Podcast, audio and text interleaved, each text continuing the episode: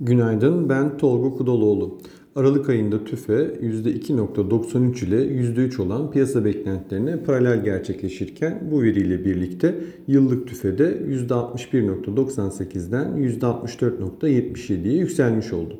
Merkez Bankası'nın son enflasyon raporunda da 2023 sonu enflasyon tahmininin %65 seviyesinde olduğu göz önüne alındığında açıklanan verilerin Merkez Bankası tahminleriyle de uyumlu olduğunu söyleyebiliriz. 2024 sonu için piyasa beklentisi TÜFE'nin %42.15 seviyesine gerçekleşeceği yönünde. 25 Ocak'taki ilk PPK toplantısı için beklentiler Merkez Bankası'nın son bir kez daha faiz artırımına gideceği ve sonrasında ise beklemede kalacağı yönünde. Yılın ilk yarısında enflasyonun yüksek seviyelerini koruması beklendiğinden Merkez Bankası olası bir faiz indirimi içinse aceleci davranmayacaktır. Yurt dışında ise veri yoğunluğu bugün artıyor. ABD, Almanya ve Euro bölgesinde piyama hizmet endekslerinin yanında yarınki kritik tarım dışı istihdam verisi öncesi bugün açıklanacak ADP özel sektör istihdam ve haftalık işsizlik maaş başvuruları verileri takip edilecek. Borsa İstanbul'a baktığımızda yeni yıla %2.1'lik yükselişle başlayan BIST 100 endeksi kazanımlarını korumayı başaramadı ve günü %2.8'lik düşüşle geçtiğimiz yıl sonu kapanışının altında tamamladı.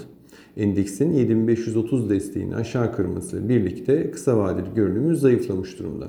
7530 direnç haline gelirken bu seviye aşılmadığı sürece endeksin yeniden destek seviyelerine doğru çekilme riski devam edecek. 7360 ve 7200 ise destek seviyeleri olarak takip edilebilir. Bugün Merkez Bankası Aralık ayı enflasyon değerlendirmesini ve Aralık ayı reel kur endeksini açıklayacak. Merkez Bankası'nın enflasyonun temel eğilimine ilişkin değerlendirmeleri ve özellikle mevsimsellikten arındırılmış verilerden hesaplanan enflasyon trendinde gözlenen gelişmeler izlenecek.